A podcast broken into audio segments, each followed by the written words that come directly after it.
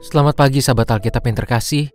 Marilah kita mengawali hari ini dengan melakukan perenungan akan firman Tuhan.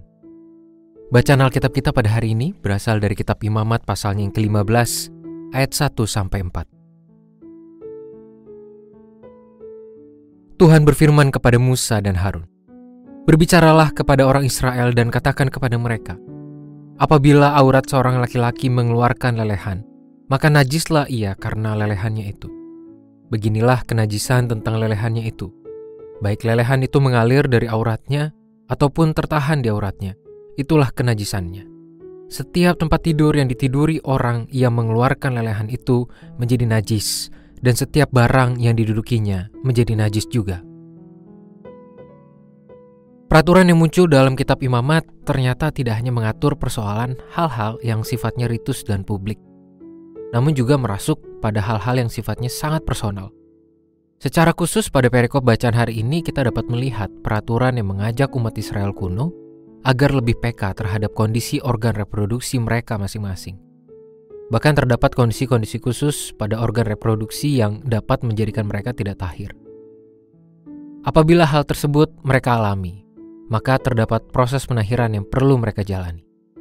Selama berada dalam masa tidak tahir akibat kondisi tertentu terkait organ reproduksinya, umat Israel kuno pun tidak dapat menjalani aktivitas seperti biasanya. Terdapat batasan-batasan yang perlu mereka perhatikan dan jaga sehingga tidak menularkan ketidaktahiran tersebut pada lingkungan sekitarnya. Konsep peraturan semacam ini sebenarnya bukanlah hal asing dalam peraturan-peraturan yang muncul pada kitab Imamat. Intinya adalah umat Israel sedang dibentuk menjadi bangsa yang mampu mencerminkan nilai kudus Tuhan di tengah dunia.